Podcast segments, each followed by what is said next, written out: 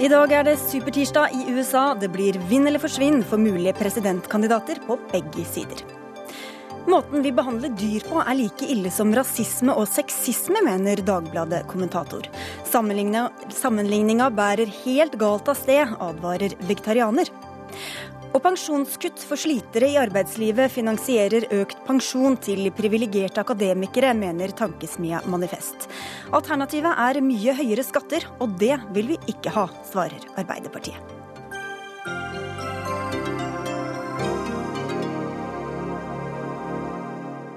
Du hører på Dagsnytt 18 på NRK P2 eller ser på NRK2. I studio denne tirsdagen er Sigrid Solund.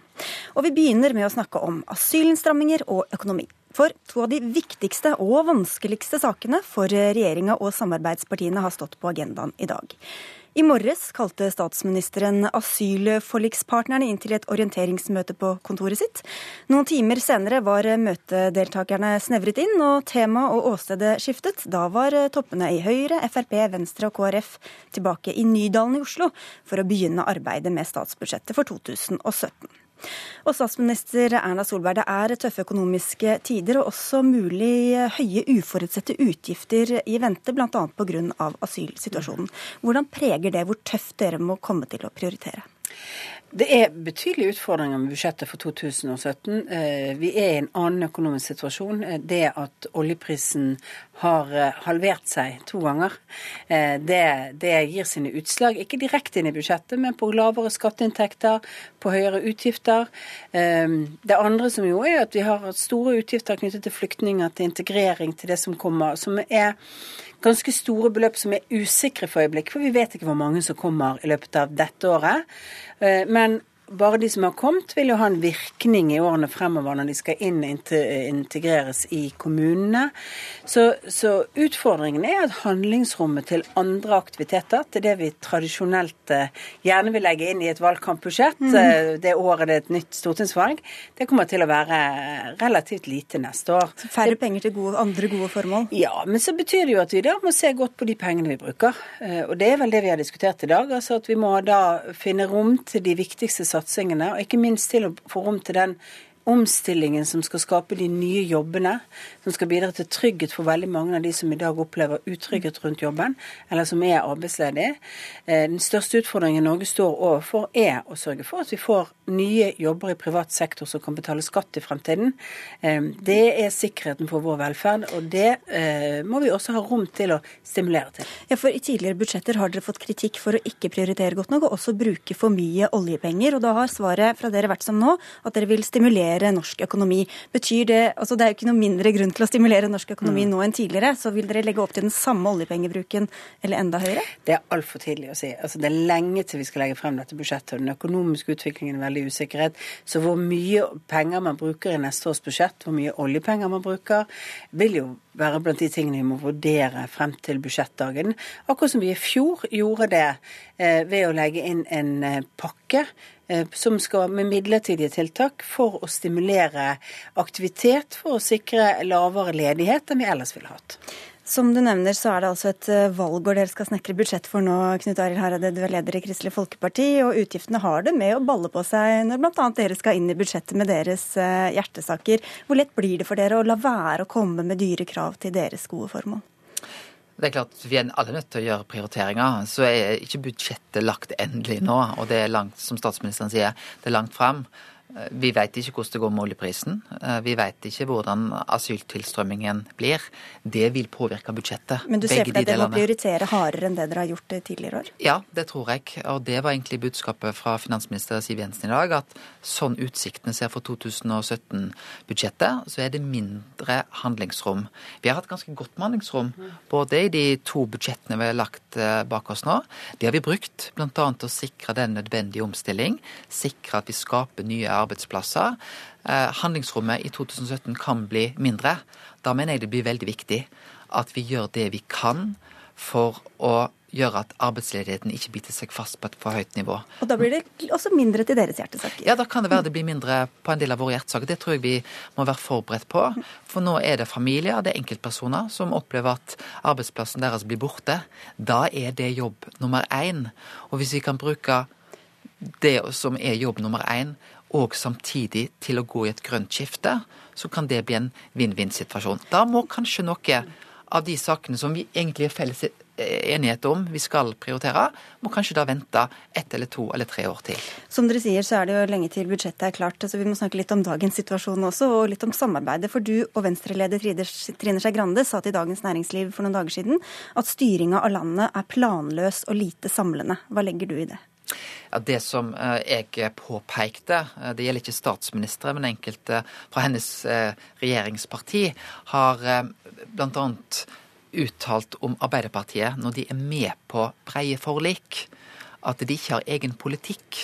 Jeg syns det har vært veldig bra at vi har fått breie forlik om asyl, om integrering. Og jeg syns at Arbeiderpartiet, når de er med på den type forlik, fortjener honnør for å være med og ta ansvar. Nå har vi en skattereform. Jeg håper at Arbeiderpartiet kan være med der. Vi diskuterer sykehus. Jeg håper at vi kan òg få til en brei enighet på de sakene. Og Normalt så er det sånn at en mindretallsregjering er fornøyd når vi får til gode forlik i Stortinget. Her har det vært motsatt retorikk men, som er blitt brukt. Ikke av statsministeren, men av andre. Ja, men jeg skjønner jeg at ikke du, eh, men det er jo tross alt Erna Solberg som har det øverste ansvaret. Da. Hva, hva hadde du savnet aller helst fra Erna Solberg i en sånn situasjon som du beskriver nå? Ja, Nå hadde vi et møte i dag tidlig. Eh, der ble det påpekt nettopp eh, at regjeringa òg er godt fornøyd med de fellesforlikene vi har på asyl. Det syns jeg var et godt signal, ikke bare til, til Venstre og KrF, men òg til Senterpartiet og Arbeiderpartiet som er men med på det. Men styringa av landet, som du sier, planløs og lite samlende, det er jo til syvende og sist Erna Solbergs ansvar? Det er hennes ansvar. Så hva hadde og, du savnet? Ja, det er annet at når vi skal Jeg mener det er en fordel at vi i vanskelige, krevende saker Jeg nevner skatt, jeg nevner Eh, integrering, eh, asyl. Da mener jeg at det er bra at vi får til i den type saker som det er bra at vi har breie forlik bak. Da mener jeg at da er det lederskapets jobb å være positiv til det, og ikke komme med en retorikk som gjør at bl.a. Arbeiderpartiet blir kritisert for ikke å ha egen politikk når de er med på forlik. Det mener jeg er galt. Ja, det er jo sånn at eh, Vi har både rost det at vi har forlik, eh, det at man har fått stor og bred enighet rundt mange viktige saker. og Det er jeg glad for. Det tror jeg jeg har gjentatt hver gang jeg har omtalt det. Men det er jo ikke sånn at politisk debatt slutter fordi man har et forlik. Og det er heller ikke sånn at ikke regjeringen må få lov å svare når de blir angrepet av hverandre. Og det tror jeg vi må tåle. Altså Jeg opplever jo at selv om vi har hatt et uh, miljø- og et klimaforlik eh, både i 2007 og eh, videreført i 2012, så er det jo ikke sånn at ikke eh, man, vi har kritisert Arbeiderpartiet så den gangen satt i regjering, og de kritiserte oss. Men syns du dette vinglestempelet er det treffende for Arbeiderpartiet? Er det god altså, retorikk? Det er jo et stempel som ikke vi satt, men som faktisk media begynte å sette. Og så blir det jo alltid en diskusjon om Fordi man oppfattet at det var forskjellige, det forskjellige synspunkter. Altså, jeg, jeg har ikke brukt ordet vingletemple vingling annet enn i én konkret sak, men eh, hvor, hvor, man har hatt forskjellig standpunkt eh, fra ulike talsmenn fra Arbeiderpartiet. Men jeg har lyst til å si at eh, vi må tåle litt av den debatten. Hvis jeg skulle ha oppført meg sånn at jeg ikke hadde tålt alle de uttrykkene Arbeiderpartiet har gitt om meg i mine ti år som leder av, av Høyre, ja, så hadde jeg kunnet vært partileder av Høyre. Det som ikke eller å bli statsminister. Ja, men dette må vi faktisk tåle. Det er en del av debatten. Jeg synes liker alltid politisk debatt best når den er om substans, når den er om innhold, når den er om konkrete forslag. Men eh, og Det håper jeg at vi får debatt om fremover. Men nå har det også blitt mye debatt om debatten, for å si det sånn, og særlig på asylfeltet. Du sa i dag at det borgerlige eh, samarbeidet har vært til tider vanskelig. Er det noe du kunne gjort for å få det til å gå glattere mellom dere og samarbeidspartiene? Det jeg har sagt er at det er vanskelig på dette området, for dette her er en av de største områdene med, med, politisk uenighet. Og jeg mener at debatten mellom de borgerlige partiene på dette dreier seg om at vi har et politisk uenighet, så vi lett etter løsninger. Eh, men vi kan ikke skjule at det f.eks. mellom Fremskrittspartiet og Venstre for å ta det å kanskje bli ytterpunkter i dette eh, i samarbeidet, at det er vanskelig. Men derfor fant vi frem til gode løsninger i Nydalen første gang vi var der, som balanserte noe mer liberalt på noen områder og noe strammere på andre områder. Men det spenningsforholdet klarer du ikke å trylle vekk. Det vil være politisk debatt i Norge. Det skal være politisk debatt. Det er fire forskjellige alternativer. Det jeg er opptatt av, er at vi bruker mindre adjektiver og snakker mer om innhold i den debatten. Det har som du sier, vært mye diskusjon om disse 40 forslagene til innstramminger eh, på asylfeltet, og Venstre har sagt at de ikke vil støtte den pakka som, eh, som den forelå. Eh, hvor store justeringer er dere villige til å gjøre når dere nå skal komme til Stortinget med forslagene? Regjeringen har altså ikke behandlet eh, forslagene nå etter høringsrunden. Det holder vi på med det forberedende arbeidet på, så det kan jeg faktisk ikke konkludere på. Vi har tatt inn over oss en del av den kritikken som er. Vi har også ment at kanskje noe av kritikken ikke var riktig. Hva betyr det eh, tatt inn over dere? Hva betyr det? altså tatt inn over oss at Noen av sakene er for dårlig opplyst. Det er bl.a. ett punkt som er ikke omtalt, og som burde vært omtalt. Det ser ut som barnesensitivitet, altså barneperspektivet, ikke skal være med lenger. Det skal det være med. Det er rett og slett bare en feil i det som, eh, som er eh, i måten tingene er fremstilt på i høringsdokumentet. Eh, og, og det er selvfølgelig rom for ulik diskusjon. Men vi tar inn over oss at, at vi skal både fremme det vi mener er riktig, men òg at vi skal få flertall for forslag. Og Det betyr at når regjeringen nå skal konkludere på forslagene, så ligger det med som et av de perspektivene vi må ha. Men det viktigste er alltid at vi gjør det vi mener er riktig for Norge. Knut Arild Hareide, du har sagt, eller dere har sagt at forslagene fra regjeringa som det var i sin opprinnelige form, bryter med våre folkerettslige forpliktelser, og da er det klart at vi ikke kan være med på det. Hva må endres i disse 40 punktene for at dere skal kunne stemme ja til dem? Ja, Dette var en av de tingene jeg tok opp eh, på møtet i dag, fordi at det vi må kjenne oss trygge for, Eh, er at forslagene er innenfor våre folkerettslige forpliktelser, våre internasjonale forpliktelser og flyktningkonvensjonen. Så er ikke det et sånt nøyaktig svar på det. Eh, men det som òg vi fikk som svar i dag, er at regjeringen vil legge en ganske grundig vurdering av nettopp det perspektivet til grunn når de kommer med sin proposisjon til Stortinget. Men det sa de vel også i utgangspunktet at de hadde gjort? At det hadde gått gjennom en eh, juridisk ja, vurdering? Så, så, så, kommer det høringsforslagene. Og da er det én ting hva de politiske partiene sier, men dette er en problemstilling som UDI har tatt opp. Eh, UNE, Advokatforeningen har tatt opp dette. Så har det òg kommet faktafeil, som Statistisk sentralbyrå har påpekt. Og det på den bakgrunn det er naturlig at regjeringen gjør endringer. Og vi har sagt vi kan være med på innstramminger, som er for så vidt krevende for oss, men vi må kjenne oss trygge på at de forslagene vi er med på til slutt, er innenfor den ramma av våre folkerettslige forpliktelser. Så ut fra det, hva må endres? Ja, Det kan jo f.eks. da være på familiegjenforening. Eh, der går forskningen ganske langt. Vi har retten til familieliv. Eh, det er et tolkingsspørsmål. Eh, det er vi helt klar på, men vi må nok kjenne oss tryggere på at vi kan tolke dette innenfor enn det som er i dag. Den fireårsregel der, som er veldig stram. I forliket fra i høst så sier vi at vi skal ha strengere familiegjenforeningsregler. Vi syns nok regjeringen har gått veldig langt i så måte. Så er det midlertidighetsperspektivet. Eh, det er klart at Skal vi få til en god integrering, så vil det være problematisk om mange av de som kommer, som etter all sannsynlighet kommer til å bli i Norge, skal leve over for lang tid med en midlertidighet. Det er ikke med på å gi den beste integreringa. Og så er det de enslige mindreårige asylsøkerne, som òg vi er opptatt av. Hvis du kommer hit tolv år, skal da leve i midlertidighet i seks år til du er 18 år, så er det noe helt annet enn hvis du kommer 16 og et halvt år og skal ha midlertidighet i ett og et halvt år. Så ganske mange punkter her. Da. Erna Solberg, Hvor mye innstramming blir det igjen til slutt, tror du? Eh, altså Det som er viktig å si at eh, på de viktigste områdene her så har vi et forlik i bunn som faktisk sier vi skal ha innstramninger. Og det hører jeg faktisk både Venstre, Kristelig Folkeparti, Senterpartiet og Arbeiderpartiet sier. Så kan det være med akkurat hvordan innstramningen er formulert av regjeringen når vi har konkretisert innstramningene, at det kan være diskusjon om hvor langt og hvor mye. Men, men retningen opplever jeg at alle er enig i. Og da er det for oss å gå igjennom. For det er bare ord. Nå, nå, skal du Nei, stå altså, på det praktiske. Altså, det er jo da det, uenigheten kommer, selvfølgelig. Når det jo, er det praktiske men, men da skal skal det konkretiseres.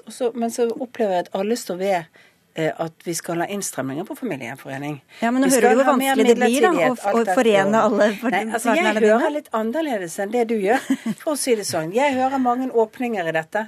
Det har jeg hørt på møtene i dag. Jeg har hørt at man er for, men at man kanskje ikke er helt enig i alle forslagene. Det forventer vi heller ikke at, at folk er. Men så har jeg lyst til å si noe om, om folkerettsvurderingene. Det er gjort, er vår fremste folkerettslige eh, ekspertise som har vært med på dette.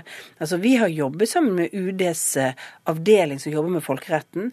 Og det grunnleggende kravet i flyktningkonvensjonen det er at du ikke skal sende noen tilbake igjen hvis det er fare for deres altså for tortur eller for umenneskelig behandling. Det er ingen, altså utledet av den, så er det mange som tenker at da må du ha sånn og sånn og sånn og sånn rettigheter i Norge. Men det er ikke nødvendigvis folkeretten. Og vi må diskutere balansen mellom det.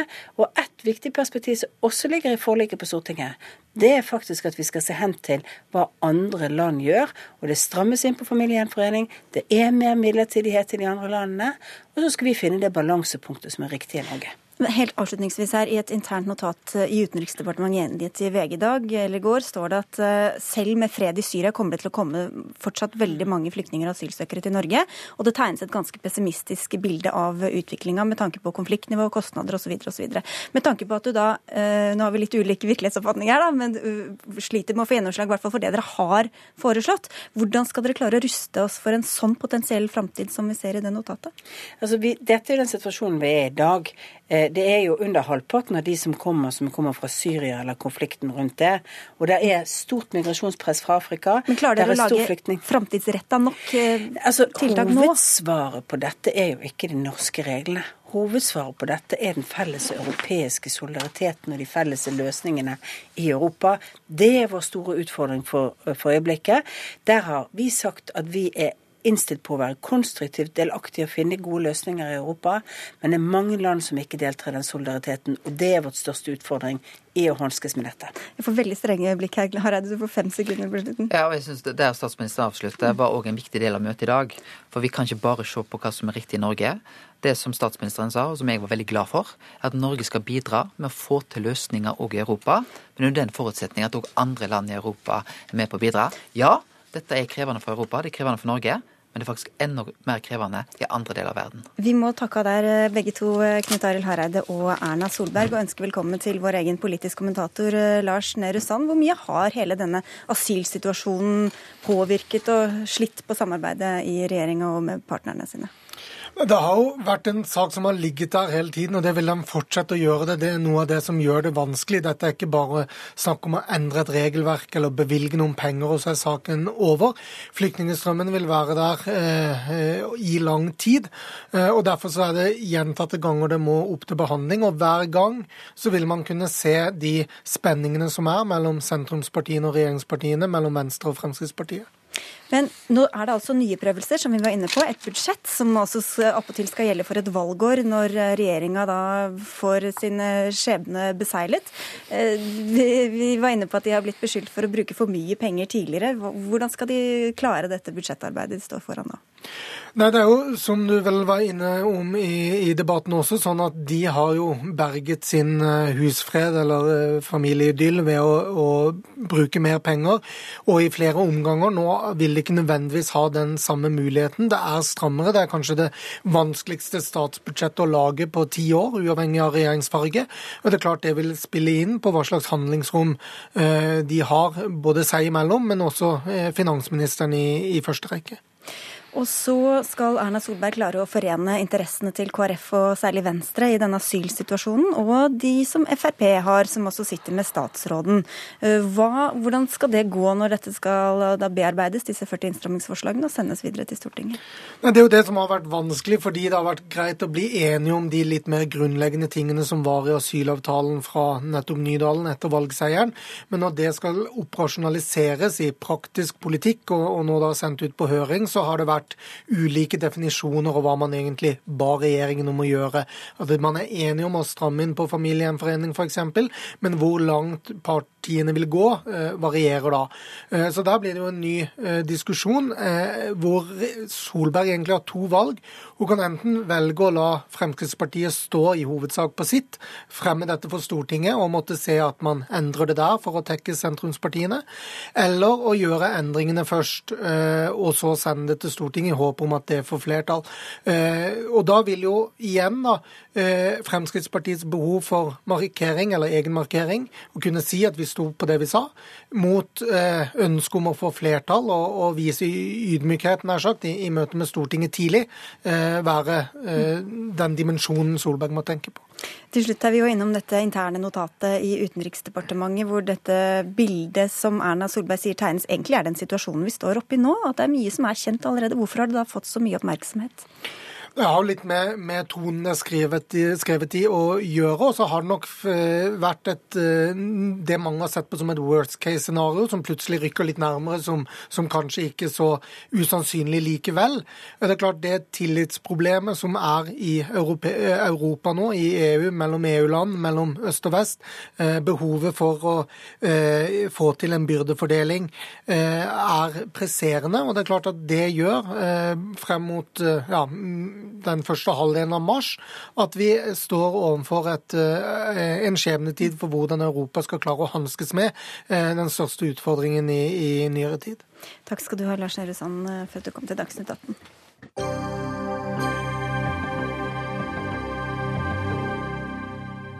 Som våre lyttere og seere antagelig har fått med seg for lengst, det er supertirsdag i det amerikanske valget i dag. Altså den største og viktigste dagen for både demokratene og republikanerne i nominasjonskampen. Hele tolv stater velger delegater, som igjen skal peke ut de to partienes presidentkandidater på sommerens landsmøter. Våre Alme, du er statsviter og du er skribent på amerikanskpolitikk.no. Hvor avgjørende er denne dagen? Det er en veldig eh, viktig dag for begge partier. Det er den største dagen, som du sa, for begge partiers eh, nominasjonskamp. Um, og det, det, viktigste er jo selvfølgelig hvor mange delegater uh, kandidatene får utdelt uh, etter uh, disse valgene i natt. Men det gjelder også å vise hvor man kan vinne, hvilke velgergrupper man står trygt i, og at man kan vinne i det hele tatt når, når man kommer til hovedvalget i, i november. Uh, og, og, så er dette, da, dette, den dagen som, der hvor valgkampen blir uh, tatt til det nasjonale nivået. Før dette har vi hatt delstater etter delstater, mens nå ser man hvordan kandidaten gjør det over sosiale og geografiske forskjeller. Uh, og da hvordan en kandidat kan gjøre det når det virkelig kommer til stykket. Korrespondent Tove Bjørgaas, du er i Austin, Texas. Hvilken betydning har Texas i dette valget? Det er den største delstaten av dem hvor det er valg i dag. så det Her er det altså flest delegater på spill, 155. Det sier kanskje ikke norske publikum så veldig mye. Men, men det er altså, det her er det da selvfølgelig det om å gjøre å sikre seg flest mulig av disse. Og her leder eh, Ted Cruz for meningsmålingene, som er delstatens egen senator, en kristenkonservativ kandidat. Men Donald Trump puster ham i nakken og skulle ja, Det store spenningsmomentet her er om Trump skulle klare å vinne også her i Texas. Og Hvilke saker er folk i Texas opptatt av? Folk i hele USA på republikansk side, det er det jeg først og fremst har fulgt nå. De er jo som alltid opptatt av økonomien, men også av sikkerhetspolitikk sin egen, og, og denne flyktninge... De snakket akkurat om flyktninger i sted i, i forrige innslag, hørte jeg. Og det, dette her også med alle de som kommer inn over grensene fra eh, Latin-Amerika, og også eh, flyktninger fra Syria osv. Immigrasjon er det store spørsmålet. og Det er jo her Donald Trump har vært så knallhard på dette med at han vil bygge en mur på grensen mot Mexico. Fått med seg mange på det. Eh, så det er de viktigste sakene. Som du sier, eh, viktige saker på republikansk side. For da, nå har det jo vært Donald Trump-show i mange måneder. Men kanskje er det ikke så stor forskjell på ham og de andre republikanske kandidatene når alt kommer til alt. Det sa i hvert fall president Barack Obama Obama, som vi skal høre litt av her. I mean, I find it interesting that everybody's focused on Trump primarily just because he says in more interesting ways what the other candidates are saying as well.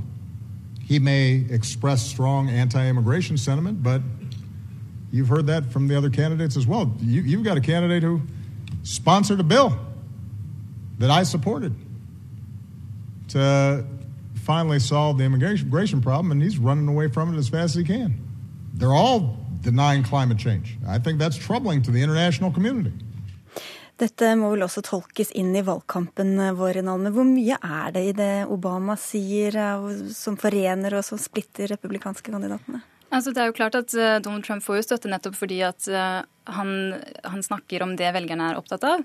Men selvfølgelig er det en strategisk eh, vinning i, både for Obama og for Hillary Clinton å prøve å altså, redusere forskjellene mellom Trump og resten av feltet for å tiltrekke seg selv altså, uavhengige velgere. Og, um, men det er klart at det er jo forskjeller mellom Trump og resten av feltet. Blant annet er jo Trump nå i en ny kontrovers der hvor han har nektet å fordømme tidligere mm, leder av Ku Klux Klan, David Duke. Eh, og det har jo, altså, samt, altså i hvert fall De kandidatene jeg har sett snakke om dette, har jo tatt sterk avstand fra det. Eh, Jeb Bush, som nå har meldt seg ut, har jo vært langt fra Trumps ståsted på immigrasjon osv. Så, videre, så det er en stor forskjell mellom Trump på sakene. Mm. ja. Tove Bjørgaas, hvordan har oppslutninga til Donald Trump endra seg de siste ukene? Den har jo bare gått opp. Eh, og Hvis jeg bare kan legge til noe på det dere snakket om i sted. altså Obama er jo naturlig nok ute her for å snakke partipolitikk, for å snakke demokratenes sak. Det er åpenbart at veldig mange på republikansk side, og også en del på midten, føler at Obama ikke har vært en president som får dem til å føle seg trygge i USA. og Det er en grunn til at Donald Trump har denne voldsomme stigningen. Fordi at han snakker direkte om de tingene som folk er opptatt av. Bl.a. at de mister jobbene sine til andre land, og at de er redd for dette med muslimer som kommer inn i landet for å gjennomføre terrorangrep f.eks. Men eh, eh, Trumps oppslutning har gått opp, og det vi også ser eh, ved de valgene som har vært de siste ukene, og som vi kommer til å se i dag, er at valgdeltakelsen på republikansk side kommer til å være høyere enn det vi har sett ved slike nominasjonsvalg. Og det handler om det Donald Trump har gjort, som er noe helt historisk, eh, uansett hva du mener om det. Mm. Suksessen hans blir jo gjerne forklart med at han er en ikke-politiker. Han er mot uh, establishmentet, en av folket, og at det er proteststemmer. Er det så enkelt?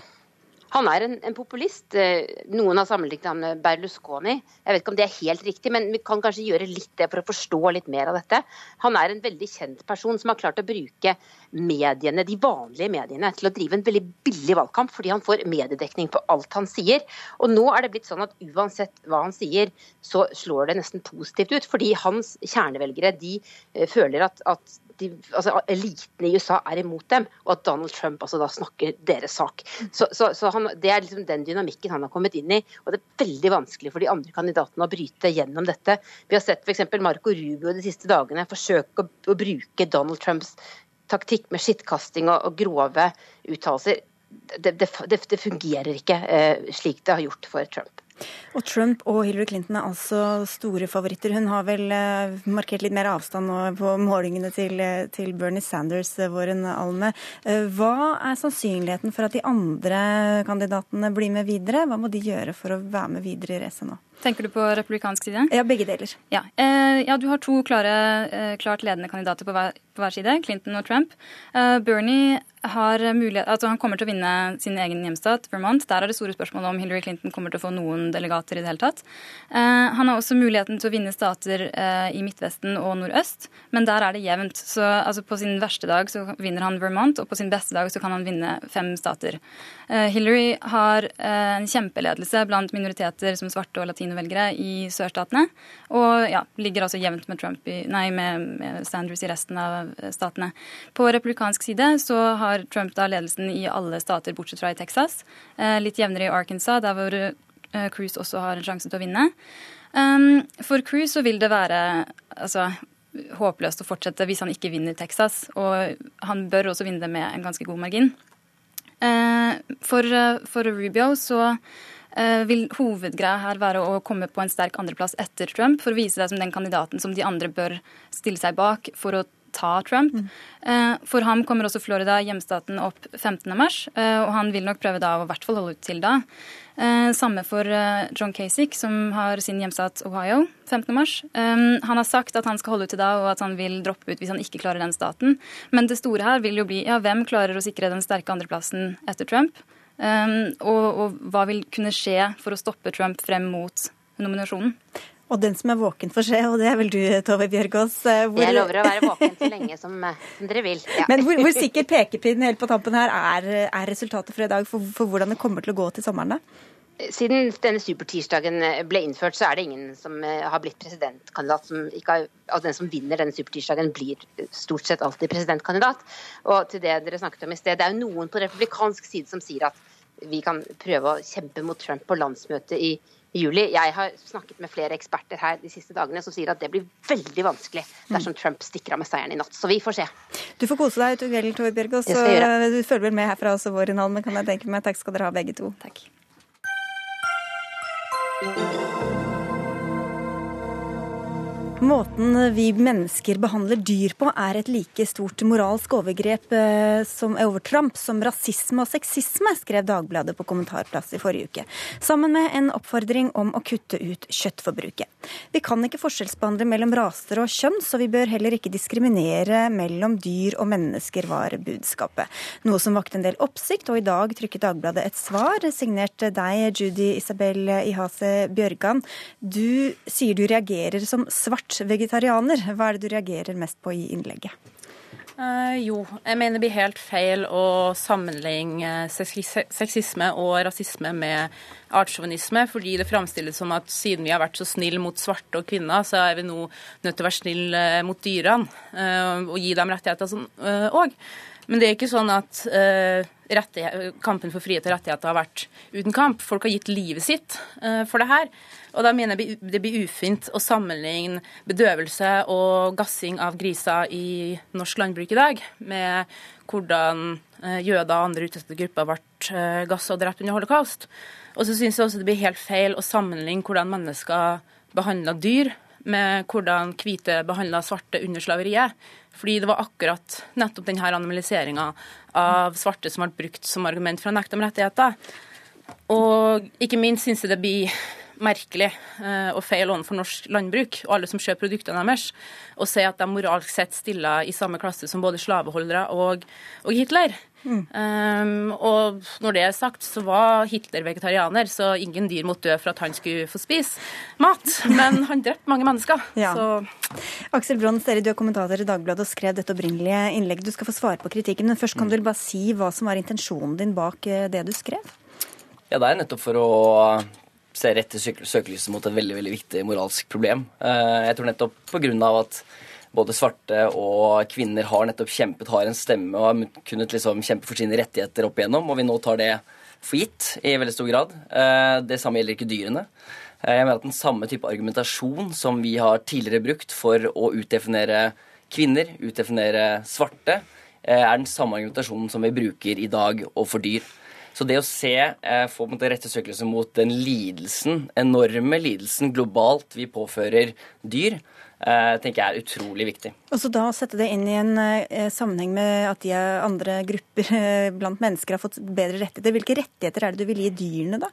som ikke de kan ta til orde for selv? Altså, det er mer en sånn grunnleggende ting. Altså, det er ikke slik at vi skal måtte, gi dem stemmerett eller noe sånt nå. Men det er mer det at når vi vurderer eh, både andre mennesker og andre dyr, så bør vi tenke hva er deres interesse? Hva er deres interesse? Eh, og jeg tror de fleste vil være med på at når det kommer til dyr, f.eks., så ser vi alle at de kan lide. Så det å på en måte påføre dyr unødvendig lidelse er åpenbart ikke i tråd med deres interesser. Det å ha kyllinger i drittrange eh, fabrikklokaler, det er ikke i tråd med deres interesser, og det er da noe vi ikke bør gjøre, selv om de ikke kan kjempe for seg selv. Og her, Du er jo enig, du er jo vegetarianer, du ønsker jo bedre forhold for dyrene, men hvorfor mener du da at denne måten å argumentere på blir så gæren? Eh, fordi jeg mener at det er to helt uh, forskjellige ting. To helt forskjellige kamper som må tas hver for seg. Det er ikke sånn at uh, kampen uh, mot rasisme og sexisme ikke kan kjempes parallelt med, med kampen for dyrs rettigheter. Og selv om at man sier at man kan si at det er forferdelig at alle nyfødte jentebarn i Saudi-Arabia får skåret av klitoris under kjønnsleppa, at det er forferdelig. Det betyr ikke at det ikke er forferdelig at tenåringer eh, dreper nabokatter for moro skyld. Det er to forskjellige forferdelige ting som eh, må tas hver for seg. Men ikke nettopp, ikke sant? Jeg er også helt enig med deg at alle disse kan ta parallelt. Altså Du kan kjempe mot kvinneundertrykking, og så kan man kjempe mot undertrykning av andre etniske grupper. og man skal, kan kjempe... Hvor hen skal grensa gå? Hvor langt uh, skal dyr ha samme rettigheter og plikter som mennesker? Uh, hvor skal grensa da gå? Nei, selvfølgelig ikke. Det er nettopp det, altså, det jeg sier, at det, det man som er relevant, er å gi alle de eh, arter, eh, og da mennesker inkludert, eh, de, de, interessene der vi bør ivareta deres interesser. Så for eksempel, er jo ikke interessen til en gris å få lov til å stemme. Altså, Det kan den ikke gjøre. Akkurat det, det høres er, upraktisk ja, ut også. Akkurat ja. som det ikke er det samme altså, ikke i et barns interesse på fem år å få lov til å stemme. De kan ikke stemme. Men likevel så bør vi ta deres interesse på alvor. Og vi har ikke alltid gjort det. Så det er mer tankegangen enn Det er tankegangen, og at de inkluderes i vårt moralske univers. Men du, det ble altså trukket opp eh, paralleller her til slaveriet og holocaust. Er det en OK sammenligning, mener du? Altså Hvordan vi behandler eh, dyr i dag med hvordan jøder ble, ble drept og forfulgt eh, under andre verdenskrig? Jeg skjønner at det er en veldig sånn provoserende sammenligning. Og det er absolutt slik at det finnes mange gode argumenter for å si at det er verre å ta livet av et menneske enn et dyr. Vi har noen forventninger som mennesker om framtiden. Det er masse andre mennesker som er glad i oss. Vi har en helt annen forståelse av en slik utrydningsprosess som blir gjort under andre verdenskrig f.eks. Så det kan gjøre at det er verre enn eh, å ta livet av f.eks. seks millioner dyr. Men når det kommer til å se på skalaen av eh, lidelse vi påfører dyr i dag, og den masseutryddelsen av dyr som vi driver med til bare pga. vår egen forlystelse, så kan man likevel spørre seg om den, eh, den globale da, nettopp eh, skaden vi påfører dem, eh, stiller i en like stor størrelsesskala som de tidligere utrydningsprosessene mennesker da, har gjort mot hverandre. Da syns jeg at du kan ta uh, vegetardebatten. Jeg mener at uh, rasisme- og sexismeparallellene skaper for mye støy i, i, forhold til det som egentlig uh, er, er, målet. da, At folk skal tenke over hvordan man behandler dyr og kutte ned kjøttforbruket sitt. Og det synes jeg heller Vi kan ta og diskutere det, istedenfor å dra inn ting som andre folk eller som folk finner respektløs og fornærmende. Ja, hvordan tror du en sånn type argumentasjon påvirker folks syn på vegetarianere, f.eks.? Um, jeg tror det er dårlig for eh, vegetarsaken at man drar de parallellene, fordi man tar fokuset bort fra det som egentlig er er poenget. Men folk må jo våkne. ikke sant? Det er det som er poenget her. Du er vegetarianer, og du mener at det å påføre dyr den lidelsen eh, vi gjør i dag, er galt. Derfor har du sluttet å spise kjøtt. Og jeg tenker at det er altfor mange veteranere som bare sitter for seg selv og kutter ut for sin egen del. Men det hjelper jo ingenting. Altså Det vi må gjøre, er jo å skrike ut og si at her er det enorme mengder med lidelse som påføres dyr hver eneste dag. Og det at hvis det er sånn, sånn slik at f.eks. før da, så drev man en veldig sterk kamp mot uh, sexisme, og man inkluderte kvinners rettigheter. Og hvis noen da påpekte når man skulle kjempe for svarte Som om det er over i dag. Jo, som om det er over i dag. Svartes rettigheter, så ville noen sagt sånn Nei, dere må vente til kvinnen er ferdig. Nei, slik er det ikke. Vi tar alle de kampene simultant. Men, men vi husker Morrissey, musikeren, ble, mm. fikk ganske sterke reaksjoner da han sammenlignet eh, Han er jo en eh, aktiv dyreforkjemper. Mm. De lidelse også med 22. juli-massakren. Mm. Mm. Eh, nå trekker vi inn holocaust, slaveri. Hvor følsomt er det? Hva tenker du om det? Jeg er helt enig, det er ikke følsomt. og det kan ha to effekter. Det kan enten gjøre at noen bare tenker herregud, dette her er jo helt sinnssykt, så det kan vi ikke høre på. Men det kan også gjøre at hvis det blir framført på en god måte, eh, og folk tar det med den villviljen de bør gjøre, så vil de også tenke herregud, her er det faktisk et poeng. At ja, det rettferdiggjør jo på ingen måte de lidelsene mennesker utfører mot hverandre. Men likevel så er det altså en like stor, hvis ikke nesten større, lidelse vi påfører dyr hver eneste dag. Men det er fullt mulig å kjempe dyrene sin kamp uten å sparke utsatte grupper i veien foran seg. Ja, men det er nettopp det. Vi, vi, vi står jo ikke i veien for å kjempe for deres rettigheter. Er det som er poenget. Vi bare legger på enda en ny kamp. De undertrykte, mente du da? Eller? Ja, selvfølgelig. Ja. Mm. Vi uh, må nesten avslutte der, men si tusen takk til dere begge to for at dere kom. Aksel Braan Sterri fra Dagbladet og uh, kommentator, eller uh, kronikkforfatter og vegetarianer Judy Isabel Ihase Bjørgan. Hør Dagsnytt 18 når du vil.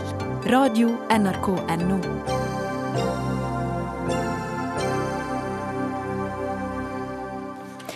Høyesterett godtok pensjonstyveriet, skriver Carl I. Hagen i VG i dag. Saken bunner i en endring som ble gjort i pensjonssystemet i 2011, som førte til at Hagen og mange andre pensjonister ikke fikk like høy pensjonsvekst som eh, de hadde ventet. Hagen tok eh, saken til retten og havnet til slutt i Høyesterett, hvor du tapte for tredje gang tidligere Frp-formann Carl I. Hagen. Og du kritiserer altså denne avgjørelsen i, eh, som Høyesterett tok i dag. Hva gjorde de feil? Hva vurderte de feil? De har ikke gått inn i saken sakens eh, prinsipielle forhold. De aller fleste pensjonister har betalt inn sin premie gjennom veldig mange år og fått vite det i reglene i Stortinget og delvis i lovgivning. Så har det stått at når de blir pensjonister, så skal pensjonen vokse i prosentvis takt med lønnsutviklingen, eller om lag i takt med lønnsutviklingen. Og så plutselig vedtar Stortinget at nei, det gjør vi ikke når du blir pensjonist allikevel. Nå sier vi vokser i takt med lønnsutviklingen, og så trekker vi fra 0,75% Over en tiårsperiode så synker da pensjonen med ca. 10% med rentes rentebetraktninger. Og det er for meg, Da lager man en endring som virker med tilbakevirkende kraft, som Grunnloven sier ikke skal skje. Og Dette gjelder alle pensjonister. Jeg måtte jo gått til sak på min egen situasjon. Jeg kunne ikke bruke andre, som var min pensjon. Jeg kunne ha, ta til retten, men jeg har gjort det på vegne av alle. Og det syns jeg er urimelig. Nå har altså Høyesterett sagt at det er i orden. De har sagt at det er merkbart, men det er ikke så mye. Ja, Men hadde det vært minus 3 da, eller vært minus 5% da hadde det vært meget alvorlig når du ser noen år. De har ikke gått inn i dette prinsippet om å endre. De, har, de sier for så vidt at når alle andre blir frastjålet 0,75 så det, vil det være urimelig om ikke også stortingsrepresentanter. Og det er jeg jo helt enig i. Det er jo ikke på mine egne vegne jeg har gjort dette, jeg har gjort det på vegne av mm. alle pensjonister. Og dette er jo en hovedsak for Norsk Pensjonistforbund eller Pensjonistforbundet å fjerne den minus 0,75. Det er for meg tyveri og brudd på lovnader vedtatt i Stortinget så sent som i 2003. Høyesterett har takket nei til å delta i debatten, men du er her som domstolens forsvarer, Anine Kierulf. Eller i hvert fall her for å opplyse oss. Du er forsker ved Senter for menneskerettigheter ved Universitetet i Oslo, og skrevet en avhandling også om Høyesteretts demokratiske rolle. Høyesterett har ikke gått inn i saken, og de tar feil, sier Carl I. Hagen. Ja, det skjønner jo at det er skuffende å tape en sånn sak. Det står jo en del på spill også. Og særlig når man tenker at dette er et prinsipielt spørsmål som rammer flere enn en selv, så er det jo ikke noe rart at man syns at et sånt utfall er uheldig. Eh, det er jo ikke egentlig Høyesterett som er eh, syndebukken i, i den fortellingen. Det er jo Stortinget.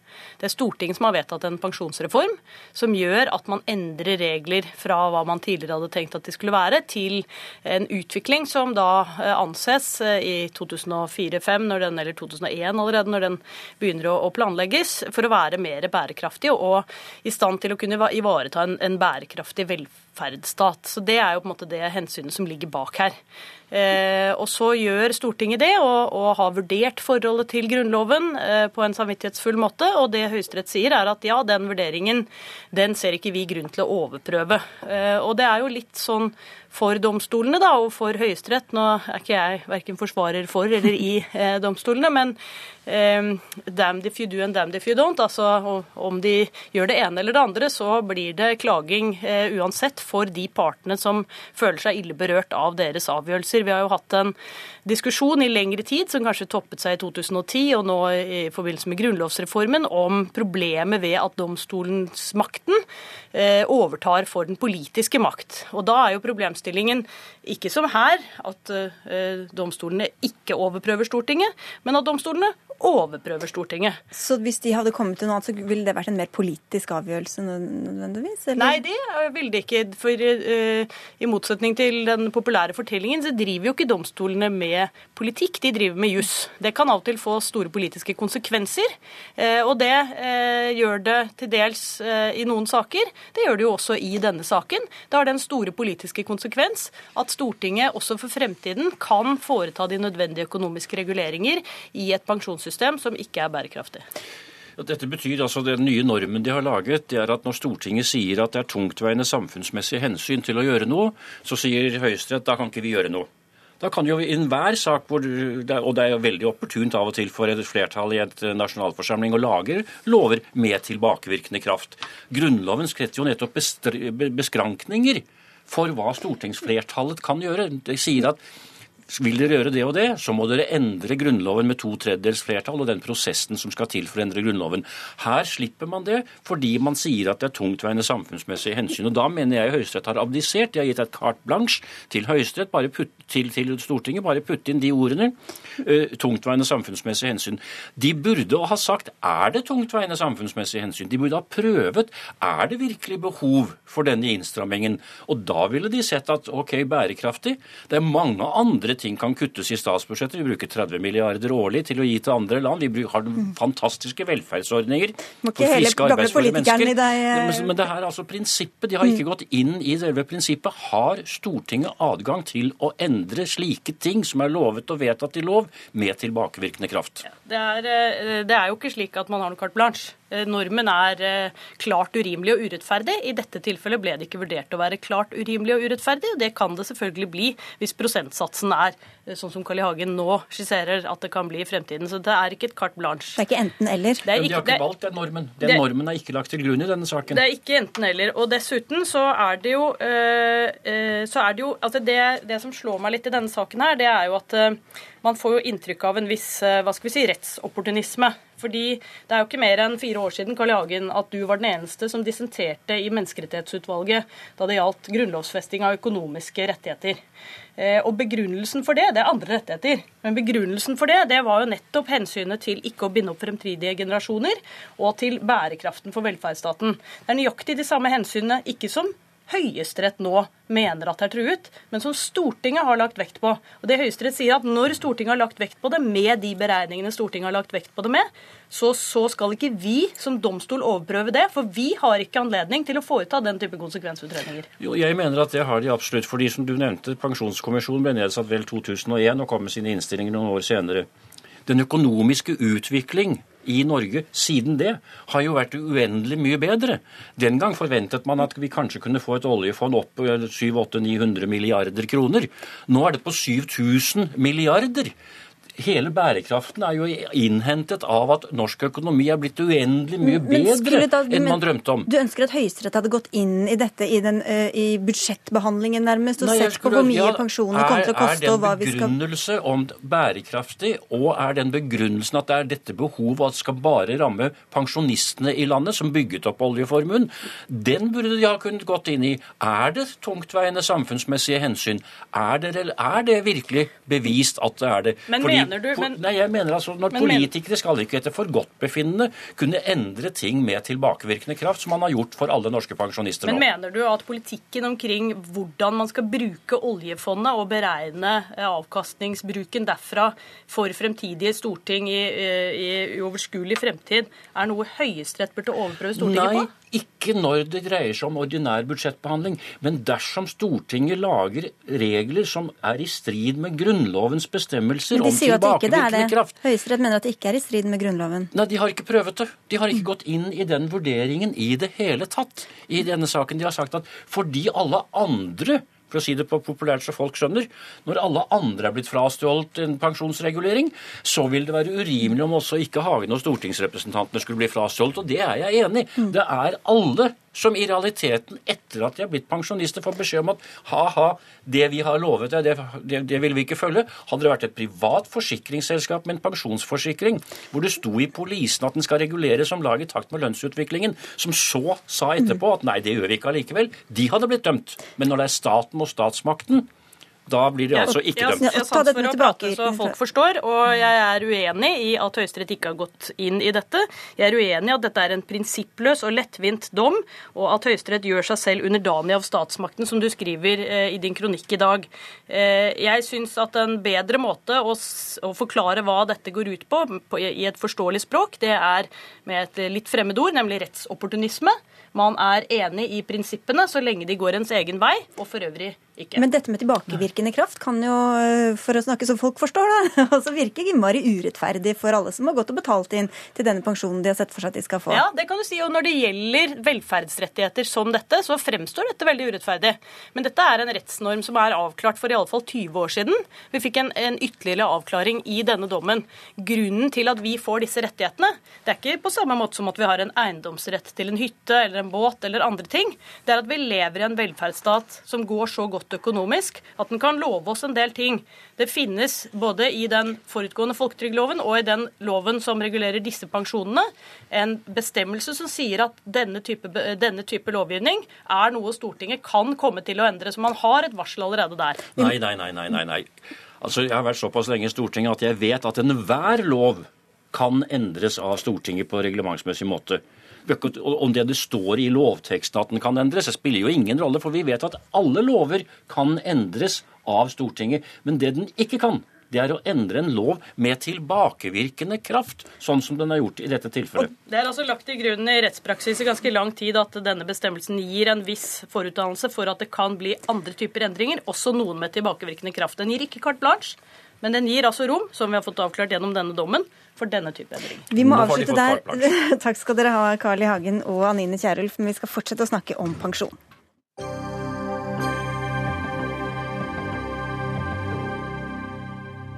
Og jeg håper ikke noen tok det som en advarsel eh, til å skru av radioen, for Hagen tok en kamp for pensjonistene, men det er mange som får langt dårligere pensjon enn ham. Og nå seiler altså pensjon opp som vårens store stridssak i eh, lønnsoppgjøret. Samtidig retter den venstreorienterte tankesmia Manifest har kritikk mot den fra før nevnte pensjonsreformen, som altså trådte i kraft i 2011. For enkelte kan tape 70% av lønna som pensjonist, viser en fersk rapport fra denne tankesmia, hvor du er utreder, Magnus Marsdal. Du sa til NRK i går at den største uretten i dagens system er at folk som jobber nøyaktig like lenge, nemlig 40 år, får veldig ulik pensjon. Hvordan slår dette ut? Nei, Jeg var litt overraska over akkurat de tallene sjøl. Vi tar jo da en eh, arbeider som begynner når han er 22 år, og så en akademiker som begynner når han er 27. Og så jobber begge i nøyaktig 40 år. Og For regnestykket så har vi gitt begge nøyaktig samme lønn, som er 500 000 i året i snitt. da. Så da skal man jo tro i et sånt opptjeningssystem som er sånn øye for øye, tann for tann, som eh, systemet har blitt nå, da, at de skal komme ut med den samme årlige pensjonen. Men det gjør de faktisk ikke, fordi det finnes noe som heter avkorting, som er en pensjonsstraff for såkalt tidlig avgang. Og den er sånn at Hvis du går av etter 40 år når du er 62, da, som man arbeideren, så får du nesten 60 000 mindre i året enn den andre som går av på 67, Fordi du er deler det på forventet levealder? Ja, Som Man ser for seg at antall år du skal ha igjen når du går av, eh, og så deler du pensjonsbeholdninga på det, akkurat som du tar eh, peanøttsmøret og smører det på et antall brødskiver. ikke sant? Og Jo flere det er, jo mindre blir det på hvert år da. Men så er det jo sånn at gruppene også har veldig ulik levealder, og da blir jo dette her spennende.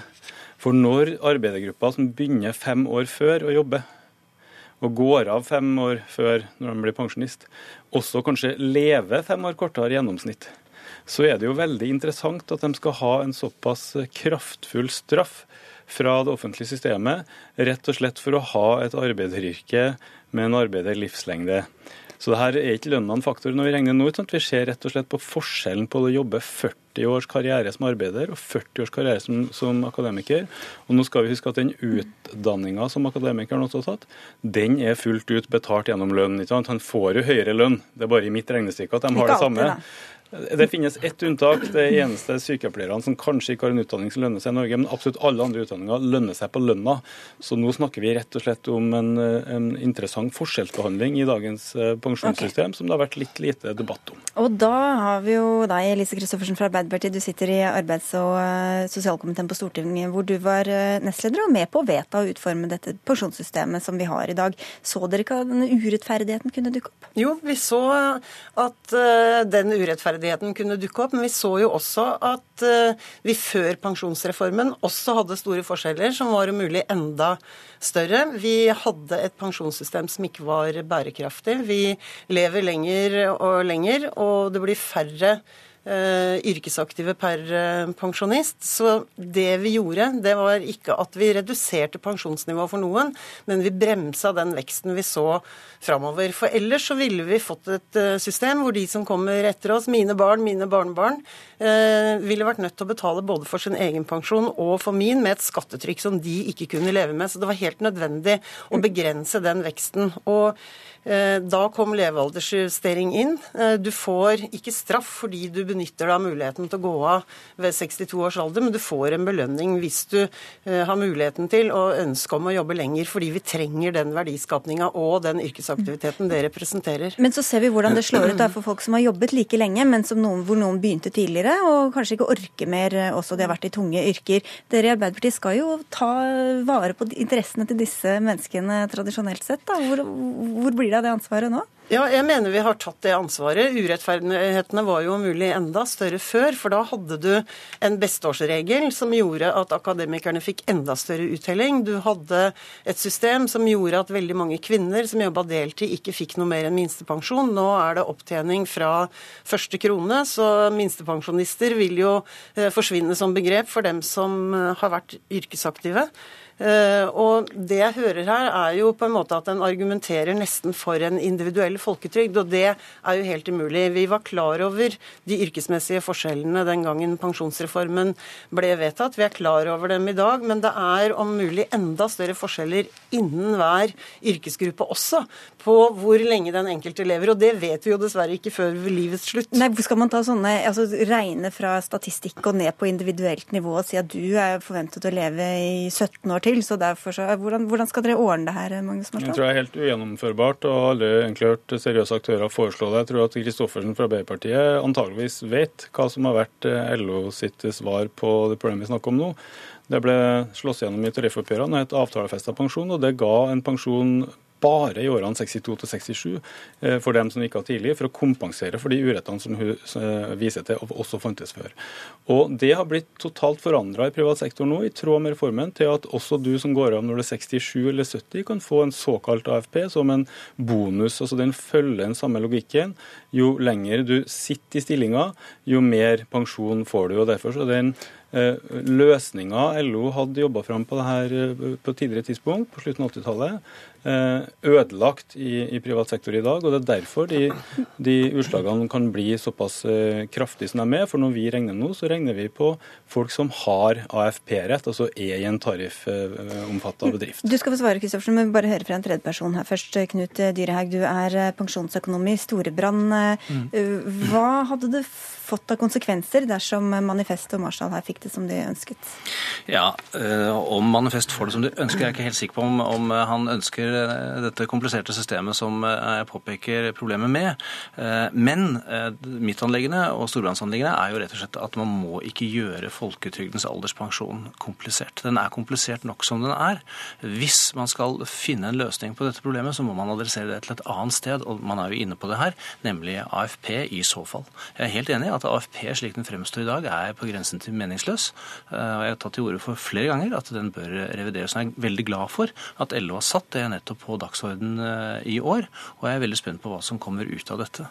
Eh, en annen løsning er jo selvfølgelig å øke alle eh, ansattes tjenestepensjoner. I hvert fall de som har rettigheter til dagens AFP.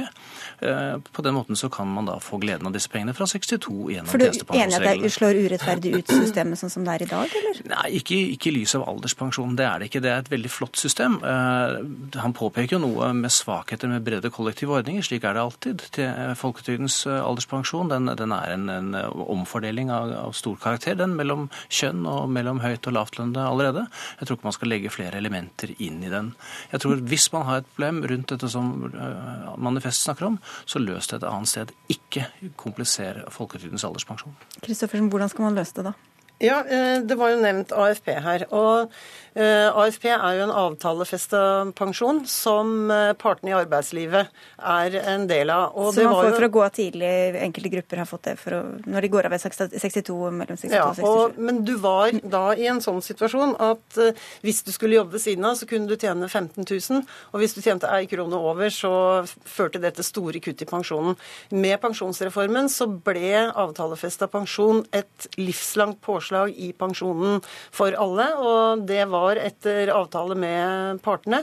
Vi fikk ikke det i offentlig sektor. De har gammel AFP fortsatt, men der er det også nå bevegelse på gang, men her har partene et ord med i laget. Og hvis partene ønsker å reforhandle AFP, så er det klart Arbeiderpartiet har lange tradisjoner for trepartssamarbeid, og vi skal lytte til det. Men det er feil å framstille det som om urettferdigheter i et eh, langt yrkesliv kan løses med ett trylleslag gjennom pensjon. Jeg tror kanskje at forskjeller i levealder og forskjeller i inntekt løses gjennom lønnsoppgjør, arbeidsmiljøinitiativ og forebyggende helsearbeid. At det vil slå mye mer ut. Ja, for Man kan jo se for seg at man setter inn støt andre steder.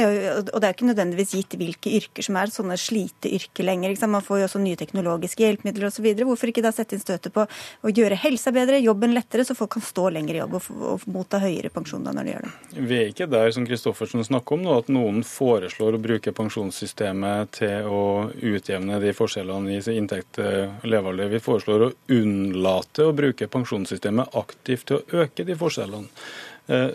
Levealdersutviklinga, som er tema for vår rapport, den viser jo at eh, mange privilegerte yrker har økt kraftig det siste tiåret, mens enkelte, sånn som renholdere blant kvinnfolk, har null levealdersøkning eller fallende levealder. Og Det å kreve at de skal drive og stå lenger og lenger i arbeid, etter hvert som andre yrkesgrupper øker sin levealder, og da straffes eh, til liksom langt under det som er minstepensjon, mm. hvis de ikke gjør det, det er i dag å øke forskjellene aktivt ved pensjonssystemet, og det var ikke derfor eh, generasjonene som gikk for oss, slåss oss fram folketrygden. Vi har veldig kort tid igjen. Dere skal få to sekunder hver. Ja, et siste ja. poeng som vi ikke har vært innom. De som er uføre og som må gå av tidlig, er jo delvis skjerma for levealdersjustering. Det er også et poeng å ha med seg. Ja, og eh, det, dette kan jo løses på, på, veldig mange måter. Man kan f.eks. også innføre i offentlig sektor eh, de private sektors pensjoner. De er meget rettferdige. Kjøp forsikring hos Storebrand? Ja, eller KLP eller hvor som helst. Men, men, men, uansett, ikke innføre et, et komplisert komplisert system som er eh, gjennomgående urettferdig. Vi får eh, la det bli siste ord. Takk skal dere ha, i hvert fall alle tre. Magnus Marsdal, Knut Dyrehaug fra Storebrand og Lise Christoffersen fra Arbeiderpartiet. For Dagsnytt 18 er tomme for tid eh, i dag. Det var Ida Tune Øritsland som hadde ansvaret for sendinga. Teknisk ansvarlig Erik Sandbråten, og jeg heter Sigrid Solund, og vi takker for oss og ønsker en god kveld videre.